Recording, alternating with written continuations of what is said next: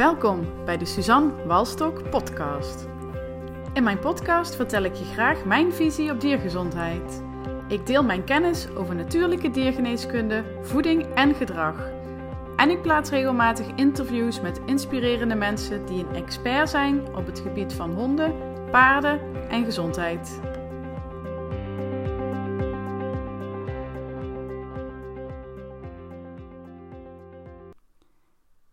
Welkom bij de, weer een nieuwe aflevering van de Suzanne Walstok podcast. Deze keer wil ik het uh, even niet direct met je hebben over uh, dieren en hun uh, gezondheid. maar ik ben vorige week naar een event geweest en dat ging niet over dieren, maar over ondernemers. En het was voor ondernemers en het ging ook over het ondernemerschap.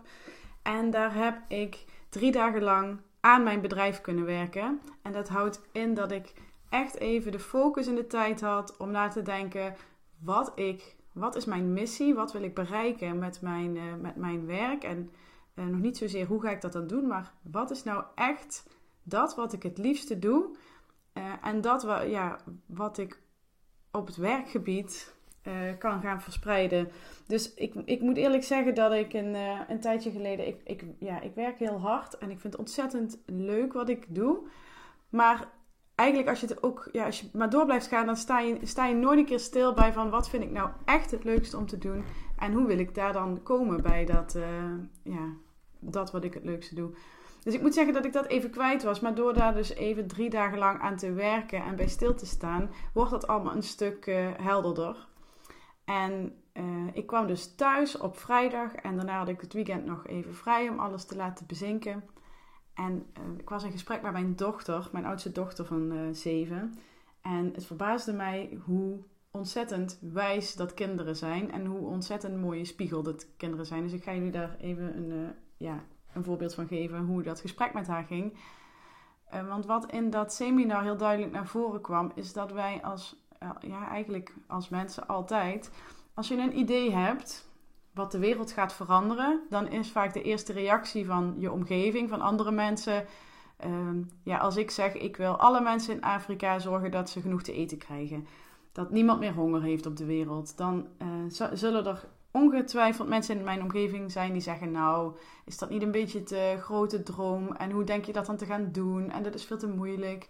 Dus mensen zien, zijn geneigd om dat soort grote dromen, om daar vooral de belemmeringen in te zien. En uh, het is veel moeilijker om iemand daarin te steunen. Maar in dat seminar werd me dat dus vrij duidelijk. Want, want ondernemers, dus mensen die ideeën hebben. Ja, ondernemers zijn mensen die ideeën hebben. Anders ga je geen eigen, eigen bedrijf starten. Veel ondernemers hebben een droom en hebben een visie en hebben een missie. En als je aan mensen in je omgeving vraagt wat ze daarvan vinden, dan zullen ze daar ook zeggen van nou, zullen ze het ook vaak proberen kleiner te maken. Maar in de omgeving waar ik die drie dagen was, was met allemaal ondernemers. En er was niemand die ook dierenarts was. Er waren wel mensen die ook met dieren werken. Maar daar zat, ja, het was een heel gemeleerd gezelschap. Van coaches tot mensen die geluidsapparatuur verkochten. Nou, het kon, ja, van alles en nog wat. En iedereen heeft een droom. En iedereen denkt groot. En, en die vibe en die energie die daar was, was zo ontzettend uh, mooi om mee te maken. Want je kon daar, het maakt niet uit hoe groot je missie en hoe groot je droom is. ja, ik was daar echt in een omgeving waar mensen zouden zeggen, ja, bij welk idee ik ook de wereld in zou gooien, zouden zeggen van, goh, ja, ga ervoor. Um, kijk hoe je, hoe, je, hoe je het gaat oppakken. Wat is je eerste stap om te zorgen dat je bij dat doel komt? Dus ik voelde me daar, ik ben er echt ontzettend van opgeladen die drie dagen. Maar toen ik dus thuis kwam, um, mijn dochter had, vorige week komt ze naar mij toe, uh, mijn oudste dochter. En ze zei tegen mij letterlijk, mama, het zit mij dwars dat andere kinderen denken dat uh, Mette, dat is mijn middelste dochter, haar zusje, dat mensen denken dat Mette niks kan, omdat ze een ziekte heeft. Mensen valt het altijd op. Uh, uh, waarom kan je zusje niet praten? Waarom kan ze niet lopen? En ze zei letterlijk: Mama, het zit mij dwars dat die mensen denken dat ze niks kan. Dus ik was even, ja, die vraag verbaasde mij en die verraste mij wel even. Nou, die verbaasde mij niet, maar die verraste mij wel. Dat ze voor het eerst uitsprak dat ze dat, uh, ja, dat het haar, dat het haar dwars zat dat anderen het op die manier zagen. Dus toen vroeg ik aan haar, goh, ehm, ja, wat, zou, wat zullen we doen? En toen had ik als idee, zullen we dan na de zomervakantie bijvoorbeeld in jouw nieuwe klas uh, een keer vragen of je bijvoorbeeld een spreekbeurt mag houden. Want als je een spreekbeurt kan houden over je zusje en over haar uh, ziekte en haar uh, beperking, haar handicap, dan kun je aan je klas laten zien wie dat met haar is en ja, gewoon wie ze is en wat ze allemaal kan. Ja, dat vond ze een goed idee. Dat leek haar wel wat. Dus daar hebben we, ja, het, we zitten nu vlak voor de zomervakantie. Dus voor nu was het niet het beste moment om daarmee aan de slag te gaan. Maar voor na de zomervakantie leek haar dat wat. Maar nu ik dus eh, een paar dagen weg was geweest en in het weekend uh, komt ze bij me zitten en zegt ze: Mama, ik, het zit mij heel erg dwars dat andere mensen niet weten wat met allemaal kan. Dus mijn eerste reactie naar haar was: Goh, uh, ja, de, ja, dat heb je aangegeven inderdaad. En uh, we hebben afgesproken dat we na de zomer een uh, spreekbeurt gaan houden in de klas. Dat we daar met de juffrouw gaan bespreken. Ja, zegt ze, dat, is, dat weet ik. Maar dat zijn, dan zijn er nog zoveel mensen die het niet weten. En toen dacht ik: wow, hoe, ja, dit vond ik zoiets moois en zoiets groots wat ze zei. Uh, want dat is ook exact een van de boodschappen die ik uit het seminar van vorige week heb gehaald. Uh, waarom zou je je beperken tot het je kennis te delen met een kleine groep? De, haar klas is natuurlijk een heel belangrijk uh, iets in haar omgeving. Maar dat zijn 20 kinderen, 25 kinderen. Zij voelde heel duidelijk dat haar missie was om niet alleen haar klas te laten zien hoe, uh, wie haar zusje is en wat het inhoudt om een zusje met een beperking te hebben. Dus ik, ik, was, ik vond het zo mooi dat ze dit vroeg. Dus in plaats van nog door te gaan over die spreekbeurt, vroeg ik aan haar van ja, maar wat zou je dan willen?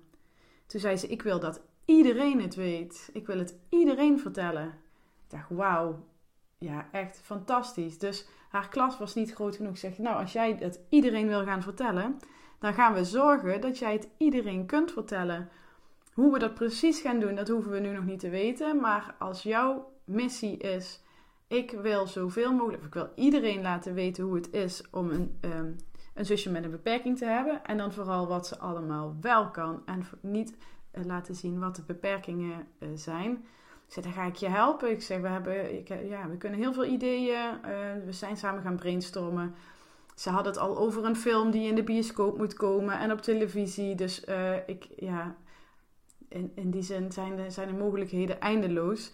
En daar wil ik ook echt met haar aan de slag gaan om dat stapje bij stapje te gaan doen. Maar ja, als dat haar visie is en haar missie, dan ga ik haar daar absoluut in steunen en gaan we dat, uh, gaan we dat aanpakken. Maar dit heeft mijn ogen ook weer zo geopend. Ik denk, hoe mooi is het om van je kleine doelstelling een grote missie te maken. Dus, en dat is exact waar ik ook mee bezig was. Ik wil, ja, ik, ik, ik was mijn missie een beetje kwijt, zoals ik net vertelde. En in die drie dagen ben ik er echt achter gekomen. De kern waarom ik dierenarts ben geworden, is omdat ik dieren wil helpen. Dat wilde ik al toen ik een klein meisje was. En dat wilde ik toen ik ging studeren. En dat wilde ik nog steeds toen ik afgestudeerd was. Echt dieren helpen. Maar waarom zou je je beperken bij het helpen van één dier? Ja, weliswaar één tegelijk in een consult. En daarmee kun je er een x aantal in de week doen. Maar als mijn missie is, ik wil alle dieren helpen, niet alleen die bij mij op consult komen, of misschien niet eens alle dieren in Nederland, misschien wel wereldwijd. Als dat mijn missie is, ja, dan, dan ga ik daar toch voor. Want nu met het internet, het is zo mooi hoe het werkt, hoeveel mensen dat je kunt bereiken. Je hoeft niet meer bij de televisie te werken of uh, heel veel uh, kapitaal te investeren om een, uh, om een video, om een film te maken. Je kan heel laagdrempelig via social media, via een website, met een blog, kan heel makkelijk je boodschap verspreiden. Dus dat is echt iets waar ik, wat mijn ogen geopend heeft en waar ik echt mee aan de gang ga. Mijn missie is, om dieren te helpen. En hoe kan ik zoveel mogelijk dieren helpen? Eigenlijk door uh, eigenaren en andere professionals die met dieren werken om hun mijn kennis die ik heb mee te geven. Want hoe meer van mijn kennis er verspreid wordt, hoe beter andere mensen weer in staat zijn om hun dieren gezond te houden. Dus ja, je hoort het vast in mijn stem. Sinds die drie dagen voel ik het weer helemaal wat mijn, wat mijn missie is en wat, ik, ja, wat mij te doen staat. En ehm, ja, in plaats van alleen maar één op één werk te doen, wat ik, wel wat ik echt ontzettend leuk vind, uh, zie en voel ik dat er gewoon nog veel meer te doen is. En uh, ja, dat, daar ben ik natuurlijk voor in een klein stukje al mee bezig. Maar dat gaat nu zo'n zo'n andere en grotere vorm aannemen. Uh, dus de details, dat is wel mooi, want de details hoef je, als je zo'n missie hebt, je hoeft niet alle details nu al te weten. Er hoeft niet al een complete blauwdruk en een draaiboek te liggen van hoe je dat dan gaat doen en met welk stappenplan. Maar als dat mijn missie is, dan zal de weg er naartoe zich vanzelf uh, wel uh, aandienen. En wat ik moet doen is in beweging komen en een eerste stap zetten. En dan zal de volgende stap vanzelf zichtbaar worden. Daar, ben ik, ja, daar vertrouw ik gewoon heilig op. dus ik heb, ja, ik heb gewoon een boodschap te brengen. Ik wil dieren, zoveel mogelijk dieren, gezond houden. En ja, ik weet ik weet dat ik gewoon heel veel kennis heb over diergeneeskunde en diergeneeskunde, acupunctuur, osteopathie. Maar het zou eigenlijk, het, ja, het is bijna een misdaad om die kennis voor mezelf te houden of alleen te verspreiden met die mensen uh, die, die die paar uur per week bij mij in de, in de behandelkamer komen. Ik wil, mijn, uh, ik wil die kennis juist delen met een zo groot mogelijke groep, zodat zoveel mogelijk mensen eh, mee kunnen doen in mijn missie om dieren gezond te houden. Want dat is echt waar het op neerkomt. Dat is echt wat ik wil. En dat is echt waar, wat ik hier kom doen. Um, ja, in, in het seminar. Ja, ik zag mezelf weer als, uh, als achtjarig meisje dat een, een, een ziek vogeltje in de tuin tegenkwam. En het arme ding heeft het, uh, heeft het toen niet gered. Maar toen ging ik het vogeltje begraven in de tuin. Maakte er van stokjes een kruisje. En heb nog een gedichtje voor hem geschreven. En dat gevoel, ik kon dat, dat vogeltje niet redden op dat moment. Maar dat gevoel, ik ben hier gekomen om dieren beter te maken. Om dieren te helpen. En ook heel duidelijk om de mensen te helpen. Want ja, dieren staan nooit op, op zich natuurlijk. Zijn nooit alleen ik kan zoveel eigenaren helpen met de gezondheid van hun dier. Uh, dus ik, uh, ja, ik ben, ben natuurlijk al bezig met een online cursus en ik heb nog ideeën in mijn hoofd. Ik wil heel graag een boek gaan schrijven hierover. Uh, nou ja, deze podcast is één manier om, om mijn kennis te verspreiden. En dat gaat, ja, dat gaat gewoon op een grotere schaal gebeuren. Misschien ga ik nog wel ook in het Engels werken en in het Engels dingen maken en opnemen en de wereld in, in gooien, om het zo te zeggen. Um, ja, want zo kun, je, zo kun je impact maken. Zo kun je ieder, ieder dier dat ik kan helpen, is er één. Dus wat mij betreft, hoe meer, hoe beter.